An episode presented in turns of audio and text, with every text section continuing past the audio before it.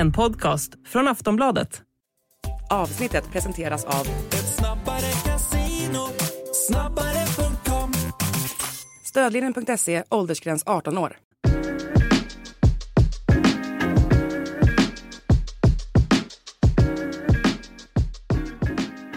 Allsvenska podden är tillbaka den här veckan som vanligt med ett fullspäckat avsnitt. Vi är två stycken i studion nu. Det är jag, Daniel Kristoffersson och Makoto Asahara.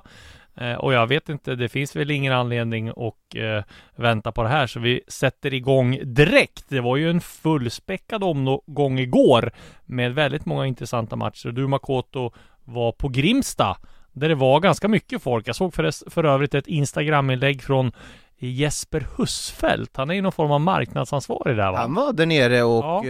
eh, kikade där vid vad heter, spelargången också, Ja. vid slutsignal och med och med dela ut blommor till en Filip Sidklev som jag tycker är eh, stora huvudpersonen från där vi fick se på Grimsta 18 år gammal, Mm. går in och håller fyra nollor i sina fyra första allsvenska matcher och är ju, alltså han är så trygg i allting han gör också, Ja. alltså luftspelet, sättet han dirigerar försvaret och håller ihop det.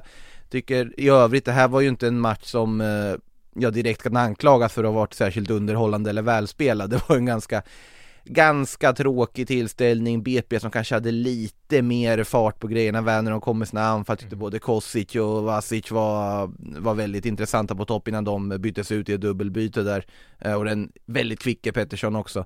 Men eh, Nej det var en ganska typisk 0-0 match, lite straffrop från eh, Göteborgs håll när Gustav Norlin menar att han var först på boll Torbjörn Hägge menar att han givetvis var först på boll och så lite utbyten därefter men En nej jäkla vad arg han blev, Norlin. Ja han var besviken, men han sa, han sa det att det är mycket frustration som byggts upp under Ja, säsongen och att topplocket gick mer eller mindre eh, Det kändes som det var straff va? Alltså jag tyckte, det beror på vilken vinkel du ser det ifrån, för första vinkeln jag såg så tyckte jag att det var ganska tydligt att Häggen var först på boll, sen när Jaha, du ser en så? annan Ja. vinkel, som den kanske som Norlin såg också i Ja. reprisen i pausen, då ser det ju väldigt tydligt ut som att Häggen bara plockar spelare först. Ja. Eh, så att det är en väldigt svårbedömd situation Ja. på så vis, så båda säger ju jag var först på boll, det är svårt att anklaga någon för, någon av dem för att liksom ljuga på så vis, så att det är Ja. väldigt svårt att veta. Ja. Jag tycker jag såg också delar av matchen eh, i det lite efterhand. Jag tyckte ja, BP gav ju Blåvitt målchanser. Alltså de, det var ju en del misstag där som Ja, kunde ha lett Det var ju till mål. båda lagen ganska Ja, rejäla misstag. det, ma- det kändes ändå som på konstgräset så var det ändå, om något lag skulle ha vunnit så var det ju BP tyckte jag i alla fall med tanke Mm. på chanserna de skapade.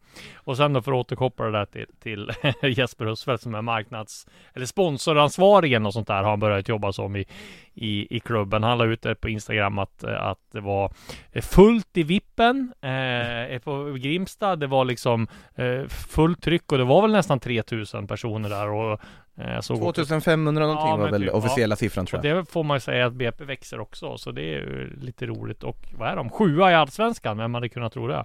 Efter bara eh, så här några omgångar in. Men jag ska vi säga något mer? Var det någon mer spelare som stack ut där? Ja, alltså det man kan notera var ju Pontus Dahlberg tillbaka i Ja. mål för IFK Göteborg. Han var ju han var ju väldigt glad för det också, eh, märkte man att han fick spela igen, sen såklart inte jättenöjd med att det bara blev 0-0 Men på något sätt den allmänna konsensusen i Blåvitt var väl att Ja det är ju, det kanske var rättvist sett i den här matchbilden Mm. Eh, och faktum är att efter katastrofstarten de hade så har de tre raka matcher utan förlust. Mm. Nej, 0-0 mot Brommapojkarna borta, det är inte vad man, vad man vill ha och vet, Sebastian Eriksson pratar om det här också, att han lite fascinerad över att han förknippar ju Blåvitt som en klubb med vinnarkultur och att den på något sätt liksom utraderats lite med tanke Mm. på hur de ligger i tabellen. Så att det är ju mycket funderingar i gruppen såklart efter, ja 0-0 borta mot Brommapojkarna, men det är ju en stor match som väntar nästa omgång för dem men det är eh, onekligen. Friends. Men inte helt allt för nedstämda miner på, på alla i alla fall. Nej, glada miner var i alla fall på, på eh, Pontus Dahlberg när han såg dig i mixade zonen. Vi får höra här vad han sa, det första som sa när, när du kom in sent där i intervjun.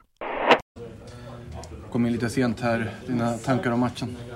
Jävligt flashiga skor tänkte jag på först. Ja, precis. Han hyllade dina skor. Ja, det är min, mina skor är ett omdebatterat ämne, nu är det lite olika skor. Det är något par skor som jag har haft ganska många TikTok-videos vi har spelat in på vårt Okej. eh, Sportbladet-konto som brukar sågas av alla, alla kidsen där som är inne och tittar. Eh, så att, ja, skor berör. Nu var det en rejäl hyllning i alla fall. Ja, det får man säga. Eh, så var det med det, men det säger väl också en del om vart Blåvitt befinner sig just nu 2023 när man är ja, relativt nöjd med 0-0 borta mot BP. Eh, om vi går vidare då till en match som det svängde betydligt mer om så var det ju den mellan Sirius och Elfsborg. Eh, på förhand då Elfsborg som, har- som jag sagt inne på tidigare här smygit med i toppen utan att och få speciellt mycket rubriker eller, sådär men har ju varit en del upp och ner också men framförallt har de ju eh, tagit sina poäng och eh, är med nu och, och skuggar Malmö FF där och framförallt då efter den smått galna vändningen mot Sirius där man eh, ligger under med eh, 2-1 och man ligger under med 3-2 och vänder sen till till eh, 4-3. Ruggigt imponerande och det Johan Larsson gör eh, 4-3 på ett eh, långskott Mm. eh, i, på tilläggstid. Ja, alltså det, det sanslösa här är ju hur Elfsborg lyckas använda Sirius-spelare som någon sorts, eh, jag vet Ja, inte, exakt. alltså plattor och valla mot för att pricka mål och nät för att det var ju helt sanslöst. Alltså jag lider ju så mycket med Sirius. Han, var- Ett- han har ett- nästan knäckt Christer Mattiasson. Ja, det, det, det kan man ju förstå. Det här är ett lag som har gjort väldigt många bra insatser, ja, radat upp kryss mer eller mindre. Har ledningen ja, två gånger om i den här matchen. Först då när eh, Al-Sanati sätter 2-1 målet efter vändningen man gör eh, precis innan paus. Ondrejka kommer tillbaka med en kvittering men sen då Heijer med direkt med 3-2 mål och liksom Studan ändå känner att men det kanske kommer den här första segern nu. Nej, Jack Cooper Love, Johan Larsson, Mm. styrningar hit och dit.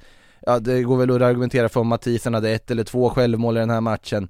Men sammanfattningsvis blytungt för ett Sirius som ju är fortfarande väntar på första segern att inte få med sig någonting från eh, att ha gjort tre mål på hemmaplan. Sen med det sagt kan man ju absolut hylla Elfsborg och sättet de kommer tillbaka, den bredd de har i offensiven. Som sagt, eh, de, de har ju alltid spelare som kan kliva fram offensivt, det är det som är så fascinerande med dem. Om det så är att det är spelare som kliver fram när andra har sålts eller om det är spelare som kommer in från bänken och gör det. Jakob Ondrejka var ju otroligt inblandad i det mesta i den här matchen. Eh, men till exempel här så kan man ju ta in en spelare som Cooper Love till exempel Mm. som som visar framfötterna och sätter det här målet som de behöver. En spelare som Kassem som de kan ta in också som har jättemycket potential.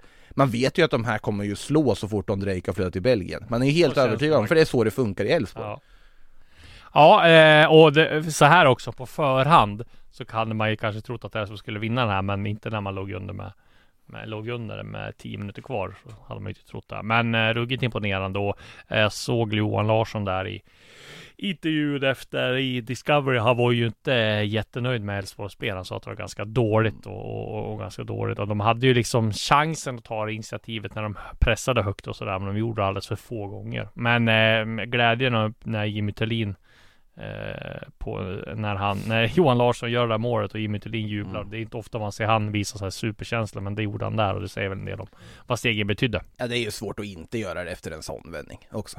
Verkligen. Hey, I'm Ryan Reynolds. Recently, I asked Mint Mobile's legal team if big wireless companies are allowed to raise prices due to inflation. They said yes. And then when I asked if raising prices technically violates those onerous two year contracts, they said, What the f are you talking about, you insane Hollywood ass? So to recap, we're cutting the price of Mint Unlimited from $30 a month to just $15 a month. Give it a try at mintmobile.com slash switch. $45 upfront for three months plus taxes and fees. Promo rate for new customers for limited time. Unlimited more than 40 gigabytes per month. Slows. Full terms at mintmobile.com.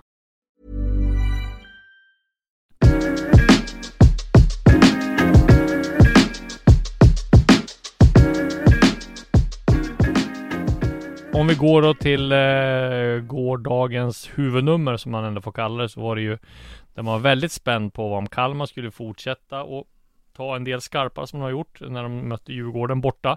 Eller om Djurgården skulle eh, studsa tillbaka efter en mindre bra period och ja, det var liksom inget snack. Joel Asoros fina målform håller i sig. Eh, han gjorde två mål och såg riktigt vass ut och sen Fick ju bara ett dock. Ja, och precis. det, och det har ju diskuterats exakt. ganska mycket och, och, efter. Och det var det som var så roligt när man eh, pratar om Gudjonssons också. Hans, han fick eh, sitt, inte som självmål va? Även fast det tar på en spelare också. Nej jag vet att åtminstone inte i fantasy-sammanhang. Nej, så precis. mycket vet jag att han, Då fick han målet. Och de såg ju ganska lika ut då, att de, men ja ja. Mm. Eh, Azor och Knekt och skulle väl överklaga, skämt, skä- sa han skämtsamt till, till vår kollega Malin Wahlberg där tror jag, när han intervjuade honom efteråt. Men oj vad viktigt att få igång offensiven Ja, på det här sättet. Också se en spelare som Gustav Wikheim i målprotokollet. Mm. Eh, ja, det, är väl, det är väl Edvardsen man väntar på lite fortfarande. Nu fick han ju Ja, spela i till 16 matcher i rad utav. Ja, i någon sorts högerytterroll där istället man gjorde om. Men jag tror ju att det här är rätt väg att gå, att spela de här tre framme. För jag tycker det, känns är så. de tre Alltså spelarna med, som egentligen är bäst objektivt och högst potential av de offensiva alternativen Mm. är ju Asoro, Wikheim, Edvardsen. Mm. Och sen då med Berg i den här offensiva mittfältsrollen. Så jag tycker att här, här är ju någonting att ha tålamod med att bygga på. Det är nog väldigt skönt för Kim och Tolle att faktiskt få resultat från det som de får i den här matchen och, och ändå ja, lyckas släppa lös på hemmaplan. Och vi ska ju komma ihåg, man pratar mycket om krisstarter och så vidare. Djurgården är ju fläckfria på hemmaplan, det är lika, precis som, eh, precis som Hammarby har varit. Mm. Ja, uh, viktigt seger för Djurgården att studsa tillbaka. Jag tror det hade varit väldigt knäckande och en säsong som hade kunnat tagit en annan väg om de hade torskat här. Uh, det var extremt viktigt. Eh, de VD det finns ju liksom, om man tittar på truppen så är det en ruggigt bra trupp och det finns ju väldigt mycket potential. Problemet är väl att de mest uh, bärande spelarna inte har kommit upp i normal standard. Nu gör ju Magnus Eriksson en fenomenal framspelning där till Mm till eh, VK Oliver Berg gör också väldigt bra så att det blir viktigt att de får igång dem då. Det är ju som du säger bara Edvardsen de, de väntar på. Men det var inte det Djurgårdens seger som var den stora snackisen efter den matchen. Det blev en kameragate här också. Det var Discovery ville ju filma när de gjorde den här ringen och skulle eh, ja, men snacka efter eh, eller fira och snacka efter efter matchen och de bildade den här ringen som många lag gör och Eh, Tommy Vaiho var det väl som slog bort kameran där när de skulle in och filma och Kim Bergstrand också var med på ett hörn där såg jag på bilder. Och då menar jag på att det kanske blir för närgånget av, av um, Discovery att filma där. Eh, samtidigt då så menar ju en del på Discovery att ja men eh, Discovery har betalat väldigt många här är 800 miljoner de betalar för rättigheterna och då ska man kunna filma på planen. Eh, ja, och de supportrarna menar på att ja, men det ska inte vara så närgånget. Då ska man sätta upp kameror i, i omklädningsrummen. och- Vilket vi har haft en gång i Ja, tiden ska vi komma exakt. ihåg också. Eh, så att eh, med varierande resultat får man säga. Det var väl en gång de filmade. Ja, det, det, Eh, det, det finns en anledning till att Björn det har diskuterats. var väl inte så jättenöjd ett tag. Men i alla fall då. Det här kan man ju säga eh, blev ett stort debattämne. Eh, men det man kan säga är att det är ju faktiskt ute på planen. Det är, så där borde ju inte Djurgården vara så känsliga på att de filmar. Men, det var men inte så här att han gick jätte, jättenära heller. Det, sen förstår jag att man pratar om det här integriteten och så i omklädningsrummet och sådär också. Och, Ja, jag Men vet inte. det, här känner jag på något sätt också att nummer ett, de har vunnit en väldigt viktig match på hemmaplan. Ja. Det borde finnas mycket glädje. Är verkligen en närgången kamera, alltså att de börjar fokusera på en närgången kamera där är ju en ten- det tyder ju på att det här har varit en ganska pressad grupp med tanke på resultaten. Så, lite, lite den känslan Eh. Sen på något sätt, ja jag tycker att på jag är helt övertygad om att om de har riktlinjer på olika sätt så sköter sig kameramännen på det här sättet. Ja. Det, det är proffs och det är, nej. Jag tycker att det här blev en, en väldigt stor grej som de, vad gör det då? Vad är det de skulle säga där som det, det är ganska fascinerande när man tänker på om man jämför med till exempel en sport som handboll. Mm. Där vi är helt vana vid att vi hör varenda ord som sägs i varenda timeout Där kamerorna är bara millimeter ifrån ansiktet på folk och de står där och skriker allt möjligt. Ja. Och det är på något sätt accepterat, sen är handboll en helt annan sport givetvis med annan, ja, med allt vad det innebär. Nej men jag tycker också om man ser på andra produktioner så är det väl, det, väl, det filmas väl i ringar och det filmas väl väldigt närgånget när, ja men ni bara såg bilder på när Ronaldo gick av nu och från planen och han började bråka med någon som ville ta Äh. selfie. Jag menar den här Premier League där de filmar väldigt, väldigt närgånget efter matcher och sådär. Och där, där på något sätt så, jag, jag uppmuntrar givetvis inte det, men om du har förlorat en viktig match och du får en kamera i ansiktet, då kan man ju på något sätt förstå frustrationen med bort, vad- varför filmar du det här för? Det finns ju en annan känsloyttring i, här har du vunnit en match på hemmaplan inför kokande Tele2 Arena, bara, nej, jag förstår inte riktigt varför man lägger, lägger fokus på det och att det här blir en grej. Det är onödigt av, eh, av Djurgården Nej, att det ska eh, bli sätta sig i den spännande att sitsen. se. Det lär väl inte vara slutdiskuterat om det här eh, än så länge. Nej, Men jag kan tänka mig att Discovery inte är så nöjda med tänker att de betalar väldigt mycket och, och att de gör sådär. Vi får se vart det, landar. Viktig seger för Djurgården. Kalmar, ja, eh, behöver väl inte vara alltför nedslagna. Att förlora mot Djurgården på, på bortaplan är väl ingen så här jätte, jätte hemsk upplevelse. Även fast de såklart ville vinna. Är nog väldigt besvikna såklart ändå med tanke Det på att det är ju en, en rad matcher som de inte har vunnit här nu. Nej, Det är eh, mållöst borta mot Varberg, det är tappet i 2-2 mot Sirius som ju var helt inte vad de hade tänkt sig. Och sen då att förlora där efter en bortamatch mot Djurgården tror jag ändå att det smekmånaden är över för Henrik Ja, Jensen. verkligen. På, på så vis är den ju det. Eh, vi ska eh, gå vidare här och vi tar oss till eh, Halmstad, för där kan vi snacka om finskarp och vi snackar om vad hemmaplan har betytt och där kan vi lugnt säga att Örjansvall har blivit Halmstad, nykomlingen Halmstads eh, borg.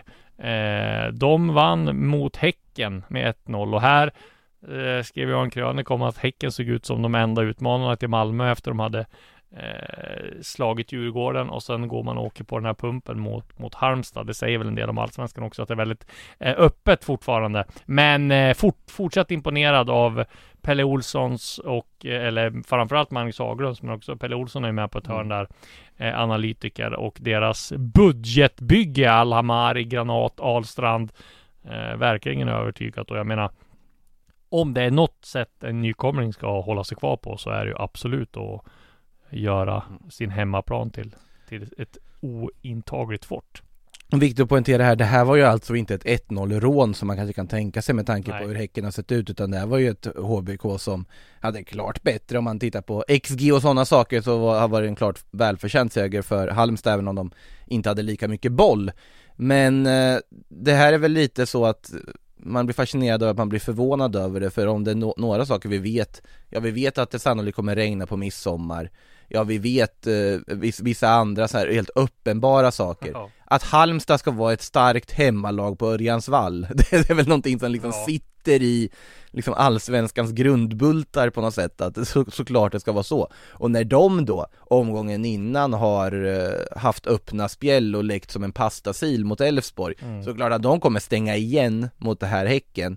Eh, och, men det gör det också väldigt bra på alla sätt och vis. Det är inte som att de bara parkerar en buss och tittar på och gnetar till sig och ser utan de gör det på ett, på ett väldigt övertygande sätt. Men ja, som sagt, Örjansvall är och förblir och har alltid varit en väldigt svår arena att komma till för ett bortalag. Ja, värvat smart också tycker jag. Eh, Liksom rättat eh, ekonomiska förhållanden jämfört med hur man, hur man har värvat och gjort det väldigt bra. Ja, verkligen. Hey, I'm Ryan Reynolds. At Mint Mobile, we like to do the opposite of what Big Wireless does. They charge you a lot, we charge you a little. So naturally, when they announced they'd be raising their prices due to inflation, we decided to deflate our prices due to not hating you. That's right. We're cutting the price of Mint Unlimited from $30 a month to just $15 a month. Give it a try at mintmobile.com slash switch. $45 upfront for three months plus taxes and fees. Promo for new customers for limited time. Unlimited more than 40 gigabytes per month. Slows. Full terms at mintmobile.com.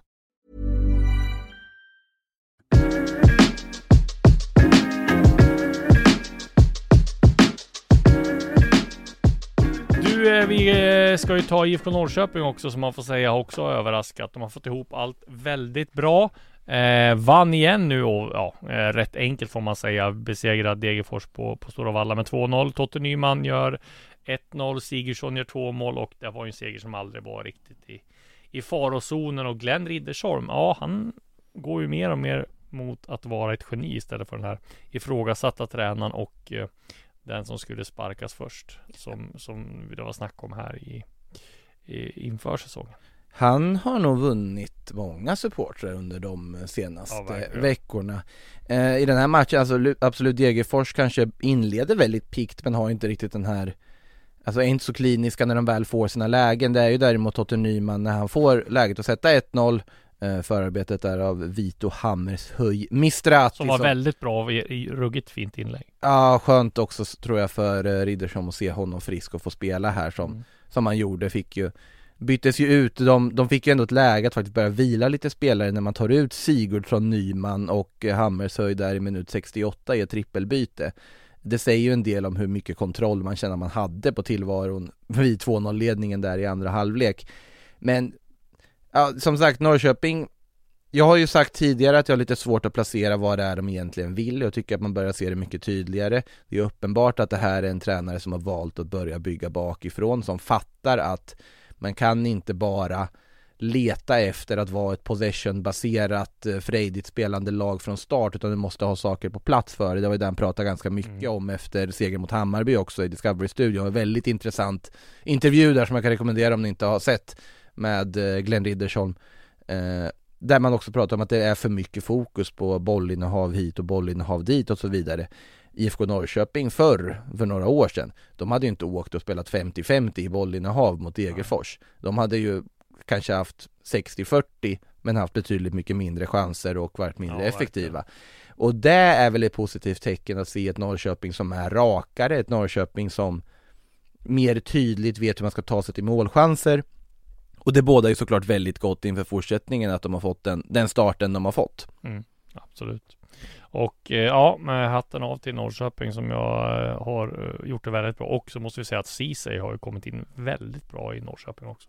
Ja, verkligen. Ruggig fin värvning från, från AIK får man säga. Någon man ska lyfta efter den här matchen tycker jag också är Eid, norrmannen på verkligen. högerbacken ja, som, som skött, skött den positionen väl. Här valde man ju vila Bagge, vad heter Bagge sen också och spelade Kalli som jag tycker är ett jättebra komplement. Det står på, till höger eller till vänster.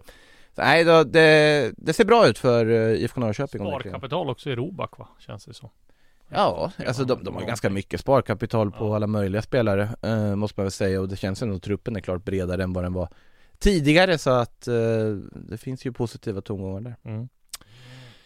Det om det, då går vi till eh, den, den, sista matchen som spelades den här omgången då. Det var ju Malmös maktdemonstration, för det får man ändå kalla det mot, eh, mot AIK. Malmö har gjort en del maktdemonstrationer den här inledningen av allsvenskan. Och det där mot AIK var ju inte eh, någon, liksom, något undantag. Här tar liksom AIK ledningen, får en drömstart borta mot Malmö när Omar Faraj sätter straffen. Solklar straff när Cornelius eh, river ner honom. Eh, sen går det bara någon minut så är det 1-1, sen är det 2-1 och sen är det 3-1 och sen är matchen över där i, i första halvlek och ja, Malmö ja, jag ser liksom vilket lag ska stoppa dem. Det, det, det känns ju som de kan gå rent allsvenska nu med tanke på hur bra de är och framförallt den fotbollen de spelar. Eh, otroligt underhållande att titta på och offensiva, eh, den offensiva liksom kvaliteten sprudlar ju, kreativiteten sprudlar, de har en bänk som ja, många allsvenska lag bara skulle drömma om liksom. Så att, och, och i den här matchen gör inte ens Isak Kiese mål, det säger väl allt. det var nog inte gjort eh, ett enda av lagets nio senaste eller vad det är. Så att det, ja, och det här var ju det man har pratat lite om, eller vi har suttit i den här podden och pratat om också, att det finns ju så mycket offensivt sparkapital. Nu får vi se Christiansen i målprotokollet efterlängtat givetvis, gör ju en jättefin match när han har fått vila här i veckan också. Samma sak med Stefano Vecchia som också fick välbehövlig vila och kommer in och gör det väldigt bra. Ja, State the obvious gör man ju här också, det gjorde man ju med AC också kanske här i och för sig, men ja, Hugo Larsson, skaplig mm. talang ändå, eh, gör väl i princip allt rätt i den här matchen. Nanasi som kommit in på ett jättebra sätt efter det där väldigt givande lånet han hade i Kalmar. Eh, ja, Busanello och Cornelius har vi hyllat förut, läge att hylla dem igen. Eh, kanske framförallt Busanello som ser ut som ett, ja, fynd. Årets värvning hittills va? Ja det, det tycker jag. Det, det, är nästan ingen snack om saken skulle jag säga att han, han är hittills. Eh, varit briljant faktiskt, mm. tycker jag, rakt av. Men ja, sen har vi ju AIK på andra sidan också. Sen ja. att, att de förlorar mot Malmö borta, det är ju inget konstigt egentligen med tanke på hur Malmö ser ut just nu. Ett Malmö som, ja, jag håller helt med dig, de kan ju gå rent om de fortsätter. Sen kommer de såklart inte göra det. Men eh, jag ser väl knappt att Häcken ska utmana dem. Eh, jag ser knappt att Elfsborg ska göra det, jag ser inte att Stockholmslagen ska göra det, jag ser inte att Norrköping ska göra det. Eh, Nej, nu gäller det bara att bibehålla det här och att jag hanterar, det kommer ju komma formsvackor på en säsong, det är ju helt uppenbart.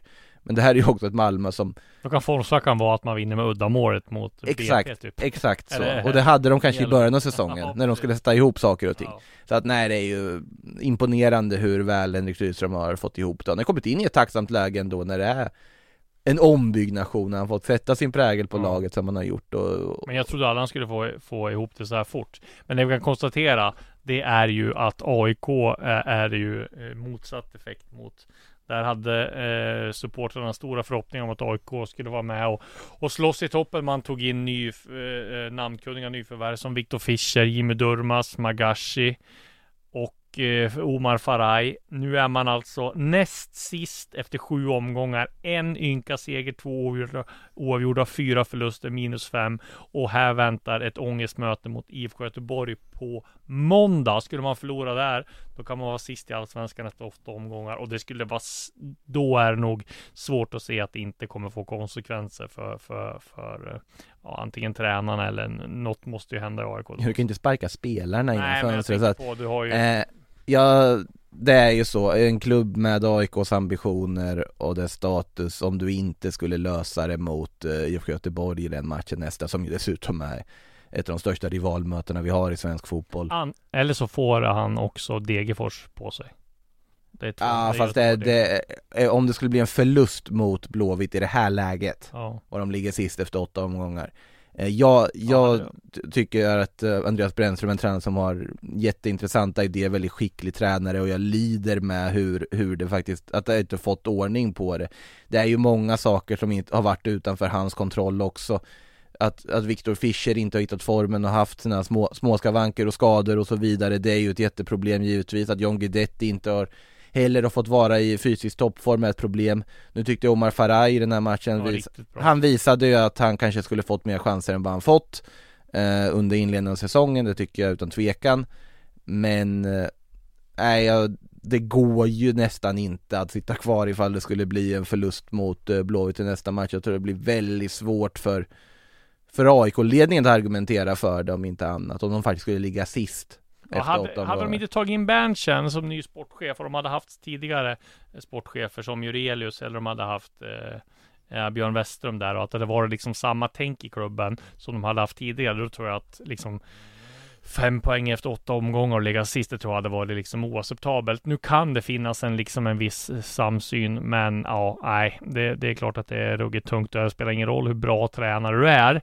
Eh, har du bara vunnit en match på åtta omgångar i, i AIK, då kommer det liksom if- ifrågasättas och det kommer bli vara krav på avgång. Vi får se eh, vad som händer. Jag kan kanske tänka mig att Brännström har lite mer sparkapital med tanke på att AIK, det har varit väldigt stor omst- om, omställning. Det beror ju på hur man förlorar, om man förlorar och, och, och hur det ser ut liksom. Men ja, nej, det är klart att det är pressat AIK. De måste få en seger nu för liksom att lösa upp de här knutarna och för att få lite, lite andrum. För att, och sen måste man ju nästan ta jag menar, man måste ju ta ett, inte ett omtag, men man måste ju ändå få in en del spelare här nu i sommarfönstret. Man måste ju till exempel värva en rejäl eh, central mittfältare. Jag menar, Bilal Hussein kommer väl troligtvis säljas i sommar och för att få pengar eller lämna som bossman. Han kan, tror man inte man kan bygga kring. Eh, Magashi har ju inte varit någon hit hittills. Han kan säkert få det att fungera, men det, Jimmy Durmas har ju varit en jätteflopp. Han spelar ju inte ens. Det är ju, det, jag tycker det är ett jätteproblem när det har varit Ja. en sån spelare att han, han verkar Nej, inte ha det blir ju- förtroendet heller och det, det tycker jag är lite konstigt på så vis. Och det blir ju konstig dynamik i gruppen då också när det kommer en sån etablerad spelare som, som liksom Men, men det, det här tycker jag är jätteintressant just den diskussionen som dykt upp kring AIK väldigt tidigt på den här säsongen med att ja men man saknar en eh, sexa på mittfältet, man saknar det här, man saknar det här. Det var väldigt få som höjde de rösterna inför säsongen när man tittar på truppen känner men det här kan nog bli bra och så vidare och jag tycker att väldigt ofta så är det lätt att man tittar på en rad skrala resultat och sen bara pekar på att de måste värva där, de måste värva där, de måste värva där jag tycker att här är det ett större problem än att det är vissa spelartyper som saknas i gruppen. Jag tycker Ja. att den här gruppen ska vara bra nog för att kunna kunna ta många fler poäng än vad de gör. Så Absolut. här finns det något annat. Sen är det väldigt svårt att sätta fingret på exakt vad som krävs för det. Kanske ändå är i ett läge du måste värva in någon bara för att liksom jag får någon nytändning på så vis. Mm. Men eh, jag tycker ju inte att det egentligen är materialet som är problemet. Nej. Nej, vi får se. Det behövs en seger där i alla fall. Illa kvickt för att det ska bli lite lugn och ro. Eh, och det om den omgången. Vi ska blicka framåt mot det här.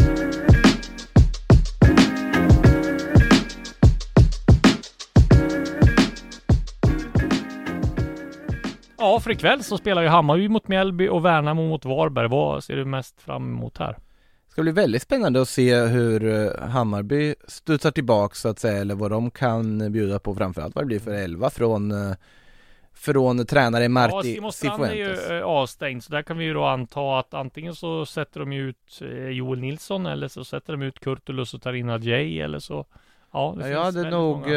eh, gått på Joel Nilsson där ändå Ja. för att det här, här, vill, här behöver ju Hammarby för att väcka någon form av tro i supportergruppen också Här måste du ha ett frejdigt Hammarby, ett Hammarby som visar vad skåpet ska stå och gå fram och, Mm. och jag tycker att här är det läget verkligen göra ett statement Och det tror jag att de behöver göra också för att, för att vända det här lite, för just nu är det väl en ganska liksom ja, pessimistisk känsla hos Hammarbyfansen Ja. med tanke på också hur det såg ut mot Norrköping, att det är mycket snack om att det är bollinnehav, vad som det är pass, pass, pass, pass och så kommer man aldrig till dörren. Eh, och där tycker jag att man behöver visa liksom, de behöver en seger med flera mål. Sen mot Mjällby är det ju otroligt svår, svårhanterat lag givetvis, ett defensivt solitt lag på på många vis som ju också behöver en seger. De har ändå tre raka utan eh, tre poängare här, men det är också ett lag som väldigt sällan släpper in särskilt mycket mål också med en otroligt stabil defensiv. Så vi får väl se vad, eh, vad vi får för match här, men jag tror att det kommer börja gnisslas i eh, grönvitt led. Om det inte blir seger, ja. Absolut, det här är en jätteviktig. Ja, om de inte skulle, mm, ja framförallt eh, få loss lite mål framåt också, Mm. det är nog det viktigaste där. Exakt. Ja, eh, bottenmötet och Värnamo mot Varberg. Värnamo vet man inte riktigt vad de har. Blandar väldigt fina insatser Mm. med, med ganska dåliga insatser. Varberg måste ju också börja vinna snart. De har ju hankat sig fram via oavgjorda resultat. Äh, nu eh, är det ju upp till bevis lite för eh, Jocke Persson. Hur studsar man tillbaka från 0-6 hemma mot Malmö? eh, det, det, nu kan ju alla förlora med 0-6 mot Malmö den här säsongen känns det som. Men det är väldigt, ja med tanke på hur han har ja, gjort vin av vatten sen Var- Varberg gick upp i Allsvenskan och nu ligger man där man ligger där i botten. Om, man tänker ju att ja, IFK Göteborg borde vara för bra egentligen för att ligga där nere. AIK borde vara för bra för att ligga där nere. Sirius har egentligen gjort mycket bättre insatser än vad deras tabellrad visar tycker jag. Eh, Det behövs att man inte tappar allt för mycket mark där nere. De behöver nog en seger här snart. Sen om den kommer borta mot Värnamo här eller inte, det återstår att se. Nej. Eh, vi har nu med oss Mange Eriksson som ska berätta lite grann om matchen mot Kalmar och eh, även om hans läckra framspelning till Gustav Wikheim och sen vill vi höra hans take på Kameragate också så här dagen efter segern mot Kalmar. Det kändes som eh, det var en välbehövlig seger där, eller vad säger du? Eh, absolut. Eh, en, en seger vi mår bra av som lag. Och, eh, nej, men vi gör en eh, prestation som är eh, gedigen och förtjänar att vinna matchen. Så det var, det var en, eh, en fin måndagskväll. Vad hade ni sagt inför? Eh, nej, alltså, vi har pratat om, eh, vi hade ju en gameplan såklart. Eh, och, eh, jag menar, vi möter ett lag som gillar att ha boll, är väldigt spelskickliga och utifrån den aspekten så måste man ibland acceptera att, att de har en hel del boll. Så att, eh, jag tycker att vi gör det. Vi är väldigt solida försvarsmässigt förutom första tio i kvarten. Så att eh, en, en gedigen insats på, på många plan och liksom inte bara att vi är tre mål framåt utan även att vi defensivt ligger rätt och, och stänger till ytor. Så att det, var en, det var ett steg i rätt riktning. Mm. Har det varit lite pressat där efter att ni kanske inte har fått den start som ni har velat? Ja, men det är klart det eh, har varit så. Eh, sen tror jag att vissa känner av det mer än andra kanske. Eh, Mm. Sen verkar man i en förening som Djurgården så vet man ju någonstans om eh, kravbilden och med vårt förra år så är det klart att det eh, har ju liksom ökat kravbilden än mer. Så att eh, det är någonting vi får leva med men det tycker jag att gruppen har hanterat bra. Och, och eh, vi har mått bra hela tiden egentligen. Det är klart att det, man mår ju bäst av segrar. Och, och, Så att eh, ja, efter en dag som igår så är det klart att det är, en, eh, en lättnad och en glädje, men kanske främst en lättnad. Mm. Eh, Och din form på uppåtgående, en ja, ruggigt fin framspelning där får man säga till Wikheim. Berätta om eh, hur det gick till. Nej, men alltså det... Jag pratade om det. Vi- Alltså, eh, Gustav är ju väldigt, väldigt bra i, i eh, en mot en. Och, eh, Eh, om man pratar om alla de som är där framme så är det ju spelare som kan göra skillnad. Så det är klart att vi vill ju sätta dem i så mycket bra lägen som möjligt. Och det är klart det är kul att få vara med och, och assistera till det målet. Det var ett fint mål, men eh, det som var det absolut viktigaste igår, det är att vi som lag fungerade, att vi som, som enhet där ute drog åt samma håll och, och eh, sen klart det extra plus att vi drar igång målskyttet där uppe och på Joel och på Gurra och så. så att det, det var många saker som var väldigt bra igår och, och som sagt ett steg i absolut rätt riktning. Hur kan ni bygga vidare på det här tycker du? Nej men alltså det är en match av 30 så det är klart att eh, vi liksom inte vill vara än men det är klart att det är ett steg i rätt riktning och där, där vi dit vi strävar efter att vara. Det är klart att det hade varit tufft att kliva in i ett derby med, med med tre raka förluster eller om det hade blivit kryss igår. Så det är klart vi mår bra av den här segern och det är någonting som, som vi hela tiden kan ta med oss och, och använda oss av någonstans. Sen är det klart att vi tar med oss grejer från Häcken också i första halvlek framförallt. Mm. Eh, och det måste man liksom vara stor nog att kunna göra i de lägena för vi... Eh, alltså det, det är ups and downs hela tiden och, och det är klart att vi någonstans är är väl medvetna om att vi eh, är ett väldigt bra lag när vi presterar som vi gjorde igår. Det är lite livat där från Discovery när, när Vajo tryckte till kameran där när den skulle in i, i ringen. Man får väl ändå kalla det lite grann för kameragate här. Hur ser du på, på den situationen? jag vet inte, jag lägger inte så mycket vikt vid det. Det, det är kameror överallt, det är någonting vi är vana vid. Sen eh, igår så blev det ett statement från kanske främst Kim. Eh, och um, det, vi, vi sa inte så mycket hemligheter i den där ringen. Det, ehm, men ehm, vi höll det för oss själva den här gången och, och ja, det, det, blev så den här gången. Och, men vi är ganska vana vid att det kommer överallt. De är i omklädningsrummen hela biten. Så att, eh, det är den vardagen vi verkar i och lever i. Så att, eh, man är ganska van om man säger så. Ni har haft kvartssamtal med Discovery nu idag då eller? Eh, jag misstänker att någon eh, form av eh, Bosse eller Henke har haft något slags samtal med dem. Ja. Men hur ser du på det just bevakningen då? Men det är ganska vanligt det här med att det är ganska närgången bevakning. Man ser Premier League och så där. Men sen förra året, det var några år sedan det blev en diskussion här när, när det blev liksom kameror i omklädningsrummet. Det kanske blev för närgånget. Men, men här var det ute på planen liksom. Ja, nej men alltså det är klart att det, det är ju inte... Alltså vissa om jag ska prata personligen utifrån hur jag upplever det så är jag väldigt van vid att det är kameror överallt. Och de har satt upp någon ny kamera på test igår i spelargången. Eh, strax utanför omklädningsrummen. Så att jag menar, de har ju en enorm tillgång. Eh, mm. Vad som är rätt och fel, var man ska dra gränsen, det tänker inte jag beblanda mig i. Vi är ganska vana vid att det finns kameror. Eh, och det är någonstans...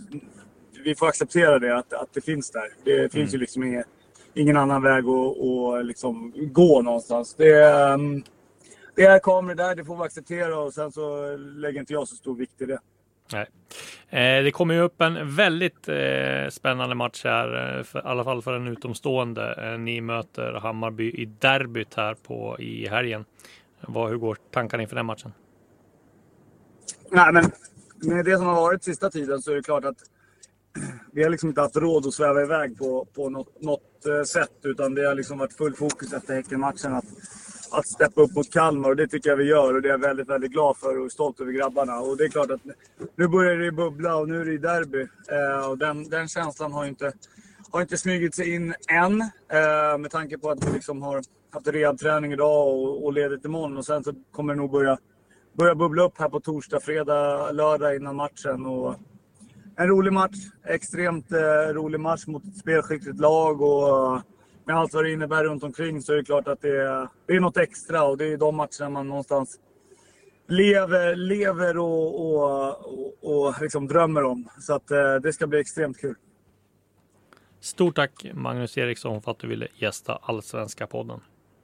Tack själv.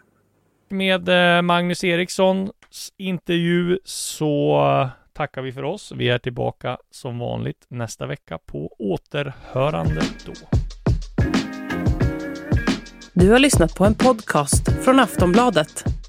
Ansvarig utgivare är Lena K Samuelsson.